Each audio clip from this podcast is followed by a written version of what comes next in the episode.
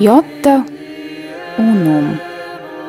Viena jota.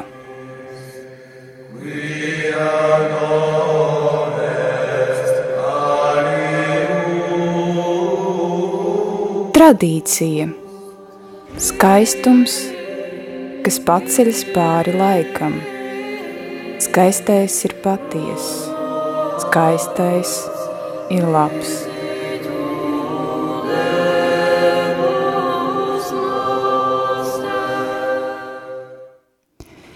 Sveicināti, dārgie radio Marija klausītāji! Mani sauc Marija Podniece, pie skaņu pults ir mana māsa Ilze. Ar jums kopā ir raidījums Jota Unum. Pagājušajā mēnesī svinējām Una Voce desmit gadi. Pie mums viesojās Svētā Pētera brālības priesteris un seminārists no starptautiskā semināra Vigratsbādē, Vācijā. Svētā Pētera brālība ir priesteru apvienība, kas ir vienotībā ar svēto krēslu un celebrē tradicionālās latīņu mises. Svinības bija klupuļi apmeklētas un pulcināja ticīgos no visas Latvijas.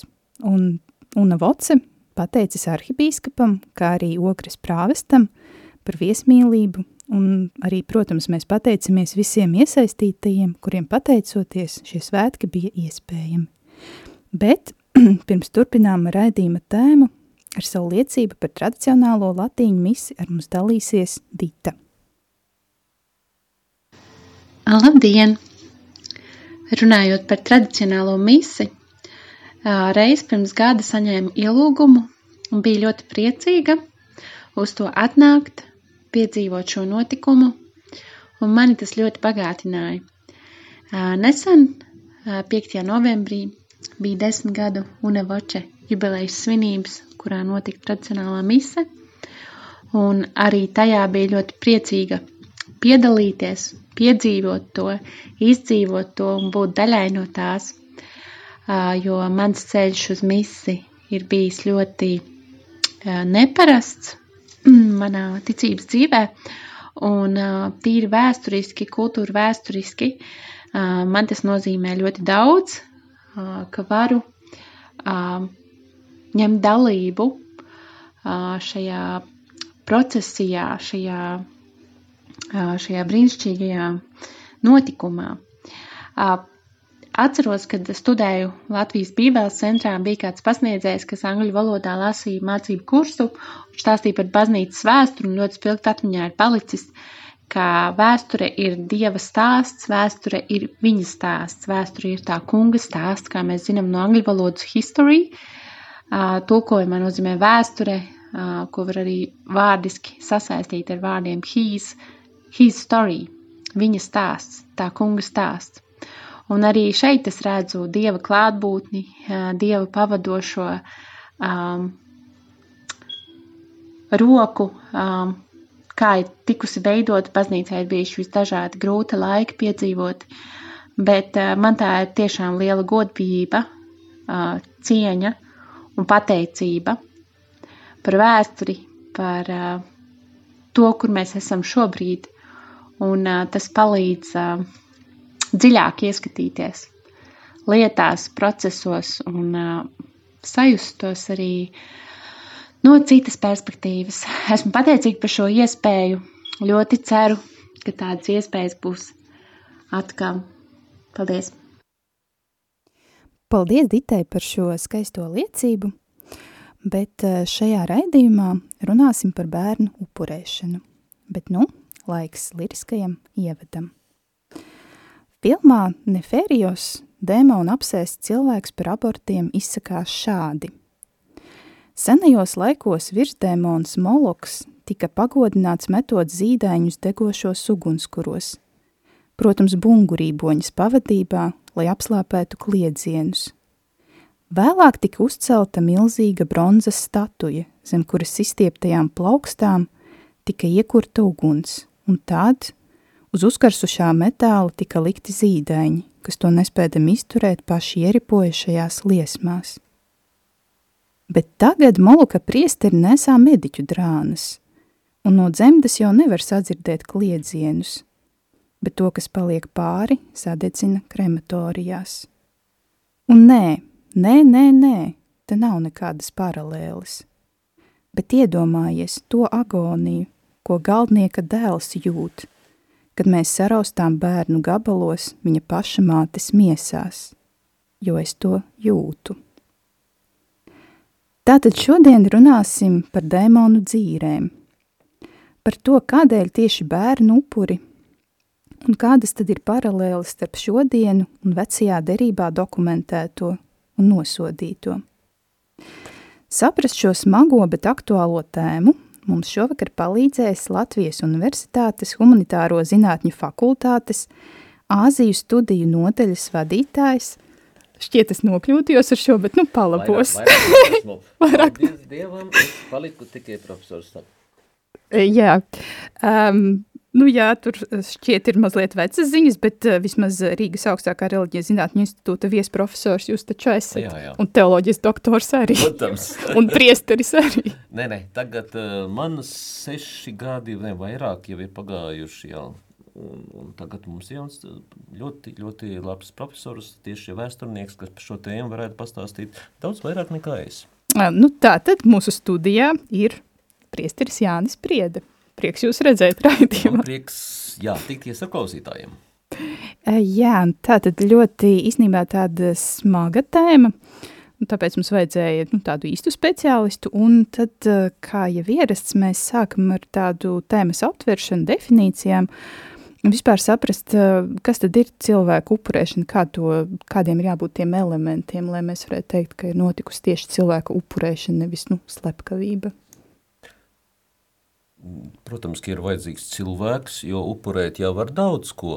Upurēt var eh, gan kādus priekšmetus, gan labību, gan dzīvniekus, bet eh, jā, arī cilvēku eh, tāda prakse ir bijusi gandrīz vai visos laikos. Un vēlēšanās mērķis – kādēļ, kādēļ tam konkrētajam cilvēkam ir jāmirst.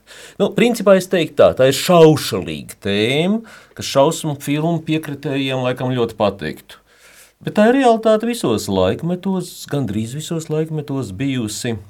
Un, protams, jūdu tautā vecās darbības laikmets tur pret bērnu slepkavām un vispār pret cilvēku slepkavošanu izturējās diezgan neiecietīgi, uh, bet tā varētu teikt, š, visneiecietīgāk pret bērnu. Arī cilvēku slepkavām izturējās, vai upurēšana izturējās kristīgā sabiedrība, tad, kad kristīgās sabiedrības likumi pilnībā vai gandrīz pilnīgi, pilnīgi bija saskaņā ar valsts likumiem. Mūsdienu Eiropā varētu teikt, dažādas pagāniskas parašas pamazām tiek ieviestas no jauna.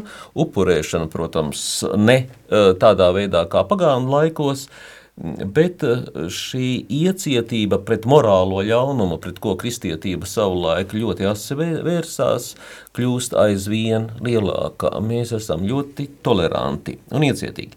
Bet no otras puses, mm, jautājums ir aktuāls arī citā ziņā. To var redzēt, ka pirms eh, dažām dienām bija zinātņu doktora Agnes Irbes grāmatas atklāšanas svētki, svētki Nacionālajā bibliotekā. Uh, viņa ar savām, varētu teikt, 400 lapusēm par uh, principiālu dzīvības aizsardzības ētiku, tieši runāja par mm. nogalināšanu un par dzīvības neaizskaramību un pamatprincipiem. Grāmata ļoti vajadzīga, bet jāšaubās, vai to lasīs nu, tie, kuriem to visvairāk vajadzētu, proti tiem, kuriem, mm, tur, kuri pieņem likumus. Mm. Un, um, jāsaka tā, cieņa pret cilvēka dzīvību, kas ir, uh, kas ir morālis pamatprincips, uh, pasaulē zūd, mēs varam redzēt to, piemēram, tikko pieņemtais likums Kanādā, kur medicīniski asistēta dzīvības izbeigšana, ja, iespējama, nu, ne tikai tiem, kas tā mīļi palūdz, bet arī psihiski slimiem mm. pacientiem, par kuru nu, tādu apzinātu izvēli piekrist tam, lai viņu nogalina, varētu reizēm arī šaubīties. Vai tā nav atgriešanās tā kā pie tiem Hitlera laikiem, kad arī bija, nu, zināmas ļaužu grupas, kuras uh, tika uzskatīts, nu, ka ir leģitīmi iznīcināt, un viena no šīm grupām bija šie cilvēki ar psihiskajām problēmām. Jā, protams, varam atcerēties uh, priesteri un, un teoloģijas doktoru Aloīzu Broku. Viņa nogalināja par to, ka uh, pretēji visai valdošajai tiksim, ideoloģijai, politikai. Viņš kritizēja eh, šāda veida slepkavības. Piemēram, Aglon, pie Aglonas ģimnāzijas tika nogalināti apmēram 700 garīgi slimu pacientu. Mm kas tika atvests no Daugopils speciāli uz Aglonu, uz tādu svētvietu, un ne tikai garīgi slimie, tur arī tika nogalināti apmēram 250 bērni kas tika atvests no patvērsmes. Jā, nu, tā kā Alois Broks to kritizēja, būdams priesteris, prediķī, publiski, eh, tad viņu apcietināja. Pēc kāda laika mm. arī viņš koncentrācijas nometnē gāja bojā. Varbūt mazliet atgriezīsimies pie Agneses Irbes, jo, godīgi sakot, es biju plānojis raidījuma laikā mazliet uh, noreklamēt grāmatu. Varbūt uh, kāds ir nosaukums, ja atceraties? Principiāla dzīvības aizsardzības ētika. Mm. Grāmatā laikam veikalu plauktos jau ir. Nu, jā, jā, tādēļ es domāju, nu, jūs tā, mēs kritiski skatām šo, to, vai mūsu likumdevēji lasīs šo grāmatu un tur pasvītros kaut ko, bet es esmu pārliecināta, ka mūsu klausītājiem būtu noderīgi, vai neizlasīt šo grāmatu, lai varētu argumentēt un strīdēties par nu, filozofiskā un, protams, liederīga grāmata, mazliet sarežģīta varbūt, jā. Mm. Labi, bet tad varbūt atgriezīsimies atkal pie šiem tieši bērnu upuriem un upurēšanu. Um, ko tādējādi centās panākt? Kāds ir tas mērķis? Tie ir bijuši dažādi mērķi, vai arī tas ir kaut kāds konkrēts viens mērķis, kāpēc tieši bērni un Nu, jautājums, kādēļ vispār tiek jā, kādēļ kas, vispār, jā, tas varbūt tāds, jā, vispār nogalināts. Mērķi jau var būt dažādi, proti, nu, kādēļ mūsdienās upurē arī jautājums un šajos vēsturiskajos notikumos varam ieskatīties, protams, pagātnē vēl dziļākā, es teiktu, ierobežot eh, nevajadzīgo cilvēku skaitu, vai tas nav viens labs mērķis. Un tādā gadījumā cenšas jau nogalināt tos, kurus uzskata par tādiem traucējošiem, no kuriem sabiedrībai šķiet ir mazāks labums, tikai jātērē liek, liek līdzekļi, un tāpēc tas piemērs eh, ar, ar, ar nogalinātajiem psihiatriskās slimnīcas pacientiem. Vai arī, eh, bet tas jau kaut kas ļoti sens, piemēram, Spartā, taču senajā Grieķijā uzskatīja un ar likumu noteica, ka bērni, nu, mēs teiktu ar īpašām vajadzībām, ir jānogalina jau tūliņ pēc dzimšanas. Jā, tā, tad tas būtu nu, attieksme pret tiem, kurus uzskata par liekiem sabiedrībā. Nu, piemēram, Dānijā jau mūsdienās vispār nepiedzimst, praktiski gandrīz nepiedzimst bērni ar Daunas simptomu sindromu. Viņus jau, nu, es teiktu, kā priesteris teiktu, nogalina mātes klēpī, lai sabiedrība būtu, jā, egieniski tīrāka. Tas būtu viens iemesls, varbūt cits iemesls ir, ka nogalina tautības dēļ. Mēs labi zinām piemērus mm, no Bībeles, protams, kā Eģipte vērsās pret uh, vīriešu kārtas bērniņiem, tikko piedzimušajiem, nu arī, uh, lai tā tauta nesavairojās pārāk daudz. Tā praksa jau turpinās. Pieminējām šos nacionālus sociālistus uh, Vācijā savulaik. Viņi, protams, eksperimentēja arī ar, ar bērniem.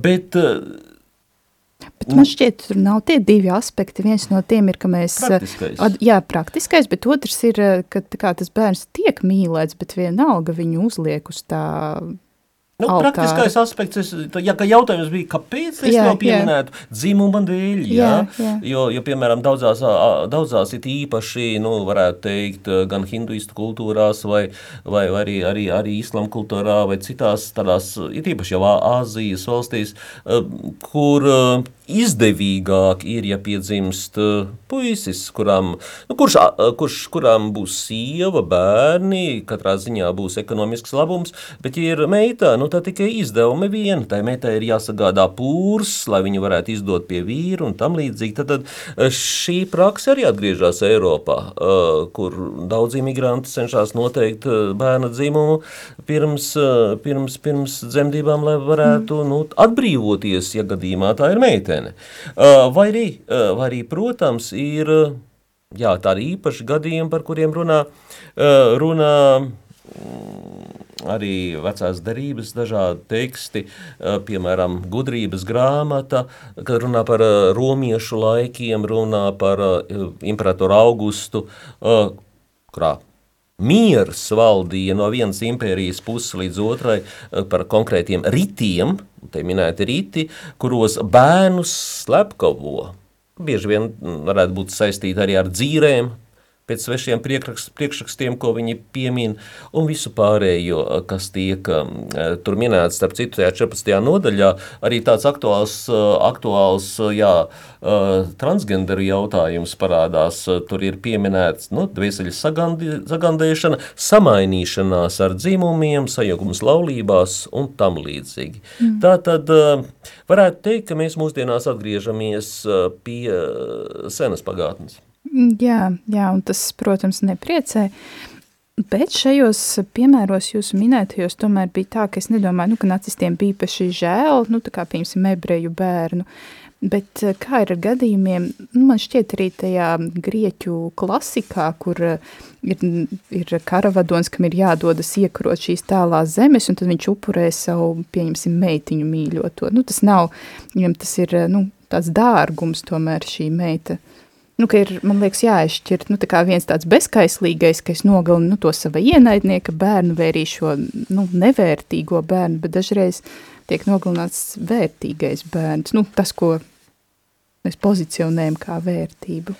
Cilvēks ir vērtība jebkurā gadījumā. Protams, jā, protams. Un tā ir ziņā, ka par upuriem nu, reliģiskās tādā veidā ceremonijās izvēlējās gan Eh, jā, jā, varētu teikt, varbūt vecāki ir puslīdz labprātīgi, lai gan es tā mazliet šaubos, ka vecāks, jebkurš tēvs, māte, tiešām vēlētos savu bērnu upurēt, jo sirdsapziņa jau cilvēkos runā visās kultūrās, visās, visās tautās.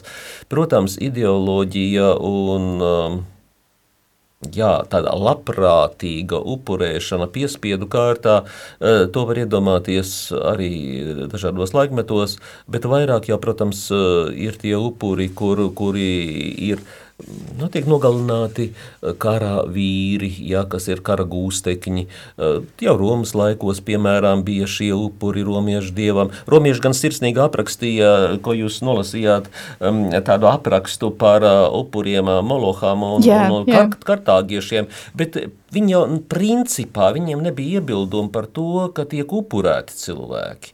Kartāgieši viņu zināmā mērā kritizēja par tādu brutalitāti, jo upurēt jau var, protams, arī ar eleganci. Upurēja jau arī grieķi.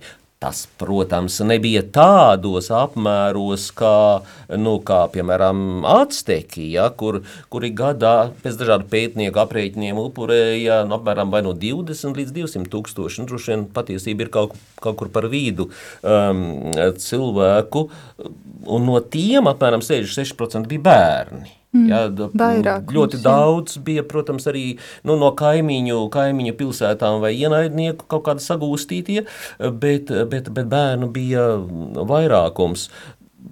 Kaut vai, kaut vai iedomāsimies to pašu ap 1487. gadu, kad tur tiek iesvētīts, nu ne jau baznīca, bet uh, pamatīgs templis uh, Acteku pilsētā, tad uh, kā paši uh, paši atsteki to apliecina, nu, tad esot upurēt 4000. Nu, Spānieši teica, ka vairāk, bet nu, atsteki paši teica, ka tikai 4000. Um, tad uh, Šādu piemēru ir ļoti daudz. Ja šajā pirms kolumba laika Latīņu, Latīņu Amerikā uh, arī, arī, arī vēlāk uh, Bolīvijās no 16. un 17. gadsimta un Argentīnas teritorijā un Peru mm, pat mūsdienās gadās tādi upuri, es teiktu, zemes mātai apmēram veltīti, jo tas ir nu, pagānisma uh, sastāvdaļa tur. Paskatīsimies arī uz kaut ko uz Latviju. Tā ļoti interesanti. Ja? Piemēram, kā, kā klājās vienam no latviešu misionāriem. Nu, viņam palaimējās.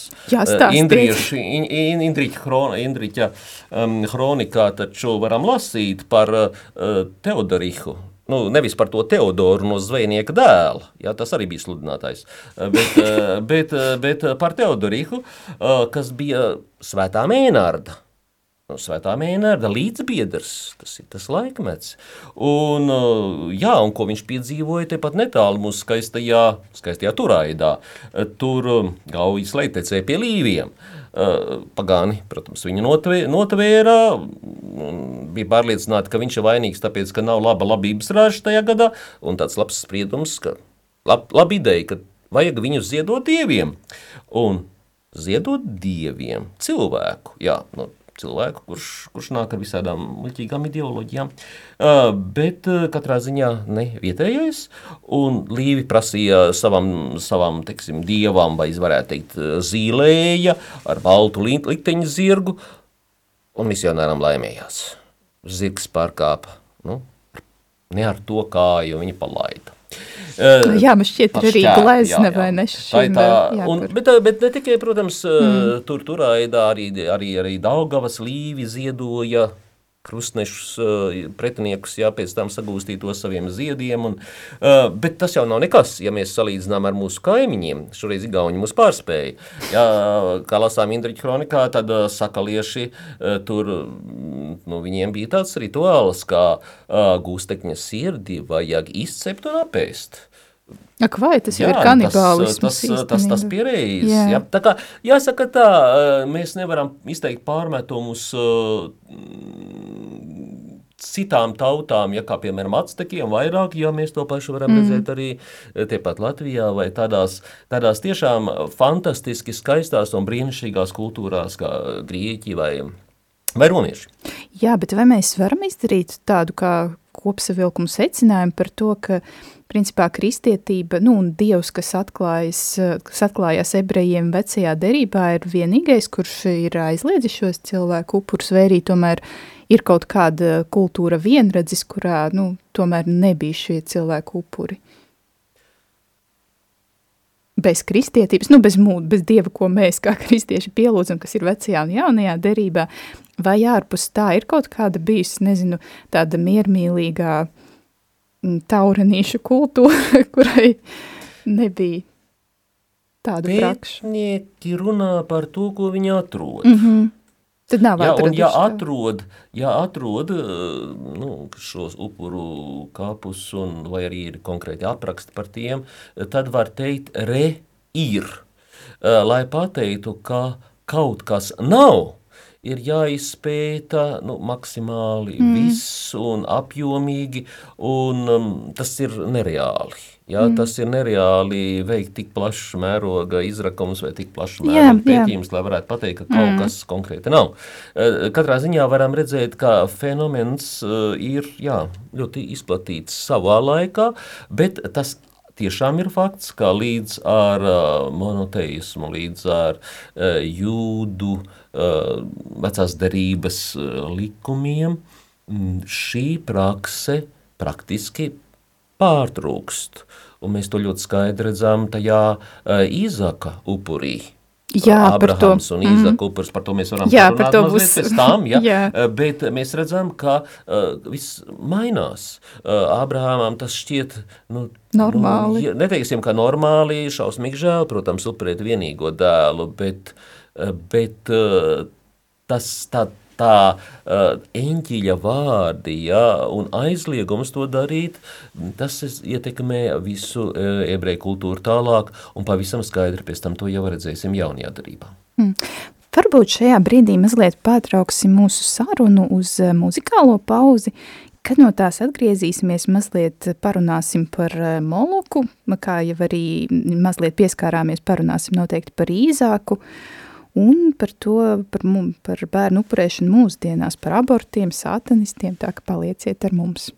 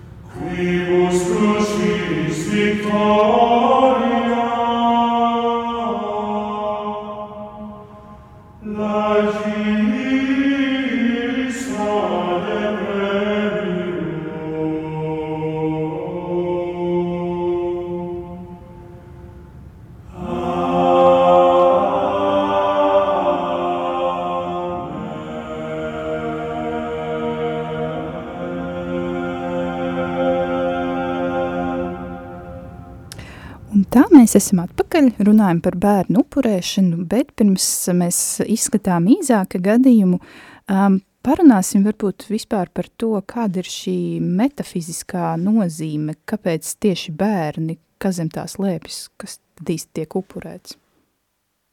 Tad vispirms jau runājam par fizisku Jā. tiksim, upurēšanu, un tagad par to metafizisko nozīmi. Kas tad cilvēkā ir visdārgākais?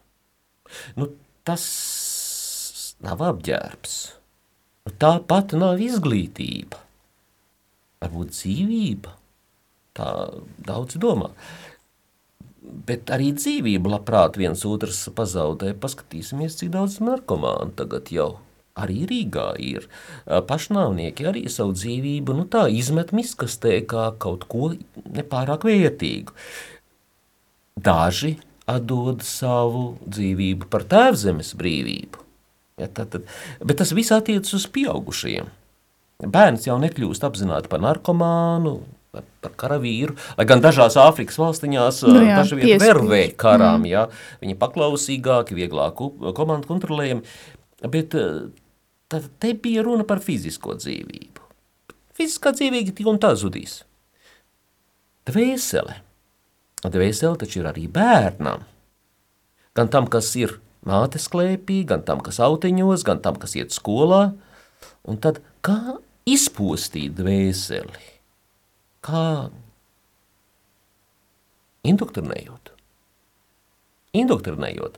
Uh, un ne tikai teorētiski vien ar dažādām grāmatiņām, kurā puisītis kļūst par meitenīti uh, vai tam līdzīgi, bet nu, arī ar praktiskām nodarbībām, piemēram, ko Anglijā izspēlē bērnu dārzos, vai arī tur, kur ierodās bērnu dārzos vai skolās vīrieši sieviešu drēbēs un sieviešu veļā un stāsta bērniem pasaciņas, mēģina pārliecināt, ka viņu dzīvesveids ir labs un normāls un tam līdzīgi. Bet bērns jau ir kā neaprakstīta lapa. Vai viņam, var viņam iemācīt daudz ko? Var iemācīt, piemēram, apsūdzēt nu, komunistiskās partijas ienaidniekus, lai apsūdz savus vecākus apsūdzēt vecākus ir bērna goda lieta. Vai, vai arī, piemēram, nogalināt neticīgos. Nu, par neticīgiem sauksim kristiešus, nogalināt kristiešus, jā, vai nogalināt hinduistus, jo galu galā uh, Allaham tas nepatīk un Muhamedim pravietim arī ne. Uh, Protams, ne jau visi islamā to dara. To dara nu, tādas atsevišķas radikālas grupas, bet uh, katrā ziņā to rada reliģi, dara reliģisku mērķu dēļ. Uh, un kādēļ viņi to dara? Tādēļ, ka viņi pamatā jau ir indoktrinēti. Indoktrinēti kopš bērnības. Tā paudze, piemēram, kas ielauzās uh, pavisam nesen uh, no Gāzes Izraels teritorijā un apmēram 1200 uh, cilvēkus nogalināja, nogalināja bērnus, nogalināja jaunus un vecus, sievietes, grūtnieces. Kādēļ viņi to darīja? Tādēļ, ka viņi bija indoktrinēti jau no bērna kājas, viņu, dvēseles jau ir izpostītas. Un jautājums, cik daudzi no šiem slepkavām spējas atgriezties, ja? uh, un, un kuriem ir cerības varbūt nonākt, es teiktu, debesu valstībā. Jo pats Jēzus taču galu galā teica, ka ir plats ceļš, pa kuru iet daudzi, un tas ceļš ved pazušanā. Uh, Tādēļ varam redzēt, kā šī indoktrinācija darbojas jau no, no, no agras bērnības, kā viņa veido vai nu teroristus, vai morālus, nu, mēs teiktu, morālus kropļus un tam līdzīgi. Un tad no vienas puses ir, ka šis uh, nu, bērna upuris, bērna samaitāšana ir, jā, tas ir metafizisks upuris. Un Kādēļ tieši bērnus? Tādēļ, ka mazs bērns ir, varētu teikt, skaidrības iemiesojums, simbols, jo vēl pats viņš nav paguvis uh, apzināti pārkāpt dabiskos likumus un dievu likumus. Viņš ir nespējīgs aizstāvēties. Un vēl pats galvenais, viņš ir pilnā mērā cilvēks. Cilvēks pēc dieva attēla, ar fizisku ķermeni, ar nemateriālu dvēseli. Tādēļ, jā, tādēļ cilvēka nogalināšana, un kur nu vēl, teiksim, maza bērna nogalināšana, tā, protams, ir daudz šausmīgāka nekā kukainīša nospiešana vai, cilvē, cil, vai putana vai kāda dzīvnieciņa nogalināšana. Lai cik mazi ir sunīši, lai cik mīļi ir sunīši un kaķīši, nu nav viņiem nemirstīgas dvēseles. Protams, ka pret viņiem jāizturās mīļi un labi, bet nemirstīgas dvēseles nav. Tādēļ nogalināt bērnu tas, ir, tas tiešām ir kaut kas šausmīgs. Tā ir vēršanās pret to, kas ir Dievam labs un mīļš. Jo tas, kas ir labs, kas ir skaidrs, tas, protams, ir Dievam mīļš, un kāds būtu Dievam bijis iemesls vispār radīt cilvēku, radīt nemirstīgu cilvēku dvēseli. Un vēršanās pret bērnu tā ir ne tikai vārdos vēršanās, bet vēršanās arī ar rīcību. Tādēļ, piemēram, nogalināt, tas nozīmē nogalināt perspektīvu Beethovena, perspektīvu Mocarta, Bahu vai iespēju iespēju atmirdzēt kādām izcilām svētajām, svētajām Franciskam vai Kalkutas Terēzai vai pāvestam Gregoram Lielajam, kuru dziedājumu mums tā patīk. Jā, ļoti skaisti, bet eh, nu, no tā izriet, ka, kā arī mēs ievadā dzirdējām, ka tas, kas visvairāk ielīgsmo par šo novilināšanas aktu, ir uh, sātans, un ievadā bija minēts šis moloks, vai tas ir minēts arī vecajā derībā, nu, šis uh, Vai tas ir tāds, vai filmas autori ir iespējams kaut kādu fikciju, nu, ietekmējušies kādu fikciju, vai arī tiešām šis moloks Nē, nu, bērnu, kā dievība, protams, tādas, tādas dievības ir bijušas, un šie MLK nozīmē nu, valdnieku, dievas valdnieks, uh, moloks, bet uh, tas veids varbūt mazliet, mazliet tāds mūsdienās izpušķots, jo nav īsti skaidrs, kā šie upuri notikuši. Skaidrs, ka šie upuri notikuši diezgan lielā daudzumā šajā kartāgiešu kultūrā, uh, un ne tikai arī visur tur, kur šī kultūra izplatījās, Maltā, Sicīlijā uh, un daudz kur citur. Kādreiz, eh, pavisam nesen, varētu teikt, 70. gados eh, pētnieku vidū bija viedoklis, ka eh, šādi upuri nemaz īsti nav bijuši, ka tā ir tāda romiešu propaganda, ka vērsta pret viņu lielākajiem ienaidniekiem, tiem tur no Kartāgas, lai parādītu, cik viņi nežēlīgi un tam līdzīgi. Bet, nu kā paši nesen, nesenie pētījumi pierāda, tik tiešām šādi kart, upuri Kartāgā notika, um, jā, to, par to liecina arī izrakumi un uh, ne tikai, arī vēsturnieki šīs visas liecības. Tādēļ mēģinājums attaisnot vai teikt, ka tās ir tukšas fantāzijas, protams, ir tāds uh, kreisās ideoloģijas mēģinājums attaisnot jebko, kas ir ļauns, un vienmēr ir kalpojis par piemēru, kā nevajag rīkoties. Tiksim, tas moloha upuris ir bijis kā piemērs ļaunumam, un pateikt, ka tādēļ tas 50, uh, nu, pat 70. gados mēģinājums pateikt, ne, tādu moloha upuru nebija, bija mēģinājums uh, pateikt, ka ļaunums, nu, tas ļaunums vispār neeksistē, mazliet uh, tajā virzienā mm. vērsts. Mm.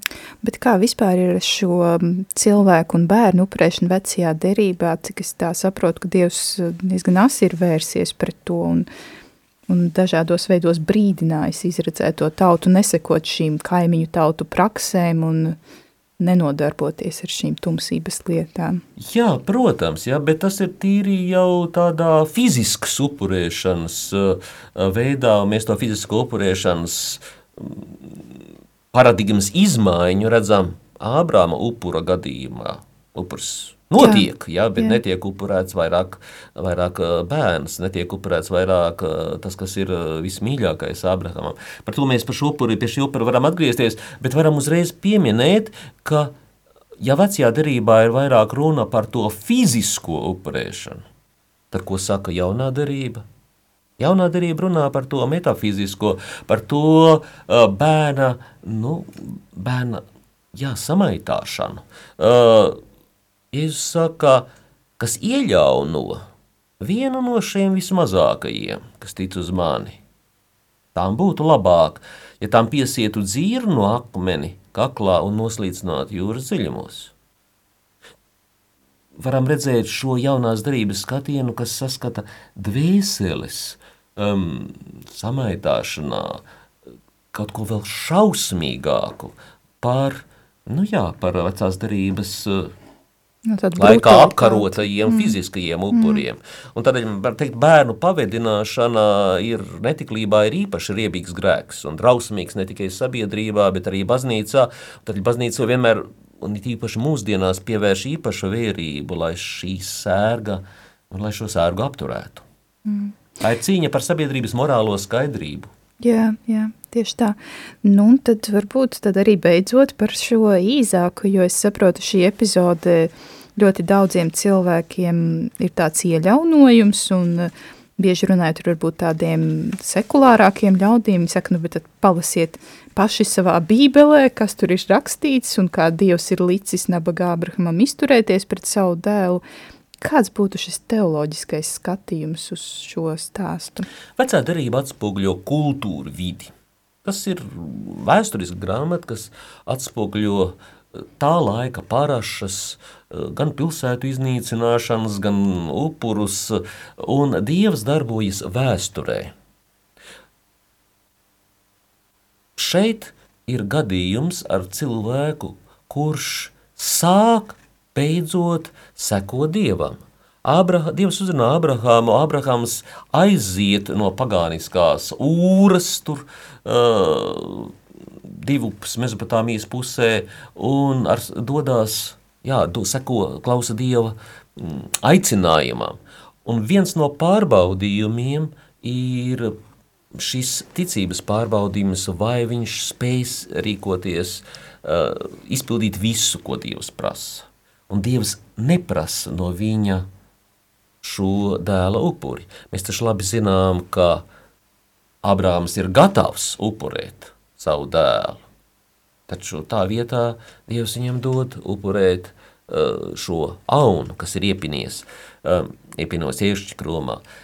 Tas ir ārkārtīgi uh, dziļš stāsts un teikt, jā, jūs eh, aizstāvāt cilvēku upurus Ābrāmu, tas mazliet, to var teikt tikai tie, kas šo stāstu nav lasījuši. Taču svarīgi varbūt ir nevis tas eh, vēsturiskais aspekts šim notikumam, bet interpretācija. Kā šo notikumu interpretē es teiktu, jūdaismā, varbūt mūsdienās, kā to interpretē kristieši, Te var pieminēt arī eh, saistību ar Latviju. Eh, pirmais Aškenāzi rabīns, eh, kas devās uz Izraēlu, toreiz vēl Palestīnas teritoriju, bija un kļuva tur par galveno rabīnu, nāca no Latvijas. Jā, no vienas puses kurzemnieks, no otras puses no Daugavpils puses no Grīvas. Tas bija Ābrams Īzaks Kuks. Un ko viņš saka? Viņš saka, ka tieši šajā stāstā par Ābrahāma un Īzaka upuri var redzēt dieva ārkārtīgo nepatiku pret upuriem un šo pagrieziena punktu cilvēces, vai katrā ziņā, nu, jā, reliģijas vēsturē, ka šis upuris tiek ar tik dziļi simbolisku aktu pārtraukts, Īzaka roka tiek apturēta, un vairāk šādu upuru nav. Tad Kuks saskata to vēsturisko aspektu vairāk, un, protams, arī šo totālo paradigmas maiņu, upuru pārtraukšanu vēstur, vecās darības notikumā. No otras puses, ja pastāvamies kā kristieši, jau pirmajos gadsimtos skaidroja Abrahama un Īzaka upuri – Viņi saskatīja visos vecās derības, varētu teikt, vēsturiskos vai notikumos vai stāstījumos, norādi uz to realitāti, kas būs eh, tad, kad nāks Kristus vai, vai Kristus jau ir atnācis. Un, eh, piemēram, Jeruzālēmē, tur dzīvoja tāds Hesihijs, viņš skaidroja, viņš skaidroja, kas ir altāris. Abrahamam, protams, bija šis altāris, un arī kristiešiem ir altāris. Viņš saka, Kristus pats ir pilnupura altāris. Un kas ir šis altāris? Alt, uh, Izaku, Izaks tika piesiets. Un arī Kristus tika pies, no, viņš Kristus nesa krustu, Kristus tika pienaglots krustā. Un te ir tā līdzība starp Īzaku, kurš tika pies, piesiets, un Kristu, kas tiek pienaglots arī. Uh, viņa rokās ir ragi, varētu teikt, nu, krusts kā altāris, pie kura tiek piesiets upuris. Altāriem bija šie izvirzījumi, šie ragi savu laiku, lai varētu, jā, lai varētu upuri piesiet. Un uh, Eh, Hezekijs salīdzina Kristu kā tādu aunu Abrahama upura gadījumā, kurš ar ragiem bija ieķēries krūmā. Eh, jā, Kristum galvā iekšķu kronis. Protams, tās ir tādas līdzības, līdzību saskatīšana šajos notikumos, bet no šī Hezekija skaidrojuma ļoti labi izriet, ka kristieši Abrahama un Īzaka upurī saskata norādi uz vēlāko Kristus upuri. Ka Dievs tik ļoti ir pasauli mīlējis, ka nav žēlojis savu dēlu un devis mums, devis mums viņu, lai viņš nomirst mūsu vietā. Viņš tiešām ir vispilnīgākais, iespējamais upuris. Mm, jā, bet nu tad pietuvosimies mūsdienām, jo arī raidījuma laiks tuvojas izskaņai. Mm, nesen lasīju, ka žurnālā Kosmopolite, nu, kas principā ir tāds, nu, latviešu analogs šim žurnālam būtu, pieņemsim, Ieva vai Santa, nu, tas ir principā žurnāls sievietēm, um, Tur tiek reklamēta sātanistu abortu klīnika Ņūmeksikā. Nu, šķiet, tas ir tāds žurnāls par eh, Ameriku tieši vairāk. Un šajā rakstā ar nosaukumu Kā sātaniskā aborta ceremonija vispār strādā, aprakstīti tās soļi, kā arī sieviešu pozitīvās atsauksmes, kuras jau ir izgājušas šo procedūru, kur eh, tiek pieminēts, nu, ka šī procedūra bijusi ļoti atbalstoša pieredze un vispār, nu, kāpēc gan nē, nu, Un tad rodas jautājums, kā mums, kristiešiem, vispār, nu, es saprotu, tās ir tādas ļoti spēcīgas laika zīmes, bet kā uz to reaģēt, jo īstenībā mēs redzam, ka tas, kas varbūt tika darīts, nu, tādā mm, paslepšus, nu, es domāju, visas šīs sātanistu izdarības, tās ir diezgan tagad iznesas tādā publiskajā vidē. Kā, kādai ir jābūt tai mūsu attieksmei? Protams, gan jau tām nav jābūt bailēm, bet uh, kādai būtu jābūt mūsu rīcībai vai kā mēs varam tam pretstāvēt? Jā, satanisti jau pat ir iesūdzējuši tiesā, uh, lai apturētu uh, likumdevējs, lai apturētu likumus, ar kuriem ierobežo abortus. Jo viņi saka, abortu ierobežošana tā ir vēršanās pret viņu reliģiskajām tiesībām. Un viņu reliģiskajās tiesībās uh, pieder šis, uh, šī iespēja upurēt, uh, proti veikt abortus. Tas ir Amerikas Savienotajās valstīs, jā, dažās pavalstīs. Bet eh, cilvēku upurus jau var, eh, ja pajautāsiet eh, Eiropas kriminologiem, zināmas konferences pat par to notiek. Cilvēku upuri jau notiek arī Eiropā, satanistu organizēti un ne tikai bērnu vien, arī pieauguši cilvēki tiek nogalināti tādā veidā. Jā, tā tad ļaunums vēršās pret to, kas ir labs un pret to, kas ir visaugstāks, un kas ir visdārgāks un vismīļāks dievam, un vismīļāks dievam jau ir cilvēks, cilvēka dvēsele. Katra cilvēka dvēsele, mana tava, tādēļ nogalināt to vēl, var teikt, ar uh, izsmieklu, jo tēlojot, ka tas ir kaut kas labs, Eh, ka kaut kas pozitīvs, kā ar šādu upuri tiek godināts Dievs, eh, tas tiešām ir eh, nu, ārkārtīga zaimošana, ārkārtīga vēršanās pret, jā, pret to, kas reāli ir labs, un Dievs jau ir labais, Dievs ir absolūti labais. Kādēļ sātanists to dara? Kā viens no viņiem teica, nu mēs neesam tik labi, lai varētu cerēt nonākt debesīs, bet uh, Bet, ja mēs darīsim ļaunu, tad mēs varam cerēt uz labāku vietu pie ļaunā gara. Vai šī cerība ir pamatota? Ko nozīmē labāka vieta? Jā, nu, jā, jā es domāju, kā, kādā. Es domāju, ka ļaunais gars var tikai priecāties mm. par šiem muļķiem. Mm. Bet vai mums ir jāliek, nu tas nezinu, pasaules gala gaidītāja ķitelītis, jo, nu, izskatās pēc, nu, tām pēdējām ziņām un tendencēm gan Latvijā, gan pasaulē, nu, ka mēs atrodamies uz tā pēdējā pakāpiena, lai, nu, tīri pirms tās krišanas lejā, vai arī tā ir sajūta, kas uh, ir bijusi arī cilvēkiem citos laikos. Nu, mēs tā kā, mums ir tiesības teikt, ka nu, tagad ir tas pasaules gals, vai arī mums nav lielākas tiesības kā cilvēkiem senāk. Mums vēl ir kristīgais mantojums Eiropā, un tas izpaužās ļoti spēcīgi um, gan likumdošanā, gan uh, tādos morāles pamatos, kas Eiropā viscaur ir arī tādā civilizētās attiecībās, ko īpaši labi var redzēt senās kristīgajās eh, zemēs, kur tā kristietība ir senāka nekā eh, kā, varbūt Latvijā, vairāk iesakņota bijusi. Taču No otras puses redzam, ka pēdējo, pēdējo 50, 60 gadu laikā eh, kristietība pamazām um, tiek aizvien vairāk apdraudēta. Proti, šie likumi, kas uh, tiek pieņemti, ir likumi, kas vēršas pēc, uh, pret uh, kristīgajiem morāles pamatprincipiem. It īpaši šajā metafiziskajā uh, plaknē, kurā ļaunums iespēja darīt kaut ko sliktu, darīt kaut ko morāli, morāli ļaunu, uh, tiek uzskatīta par līdzvērtīgu iespēju uh, kā darīt kaut ko labu.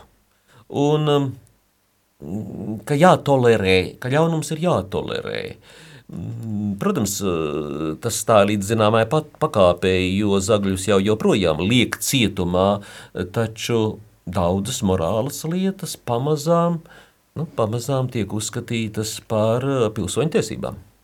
Mm. Nu jā, bet vai tas nav kaut kāds skatījums uz antropoloģiju, kas ir pamainījies, nu tā kā mūsdienās, ka mēs citādi skatāmies, kas ir cilvēks, nekā tas varbūt bija agrāk. Bet ko nozīmē skatīties citādi uz cilvēku? Skatīties, tas ir jautājums, kurā brīdī cilvēks sākas, varbūt. Jā, jā, arī jā. īstenībā. Nu tad jāsaka tā, vai cilvēks sākas ar to brīdi, ka viņš saņem pasi, vai saņem varbūt pilsoņa numuru, vai vai kad viņš ierauga pirmo reizi gaismu, nāk pasaulē, vai varbūt dažas nedēļas jau pirms dzimšanas viņš ir cilvēks, vai 12 uh, nedēļas pēc ieņemšanas viņš ir cilvēks.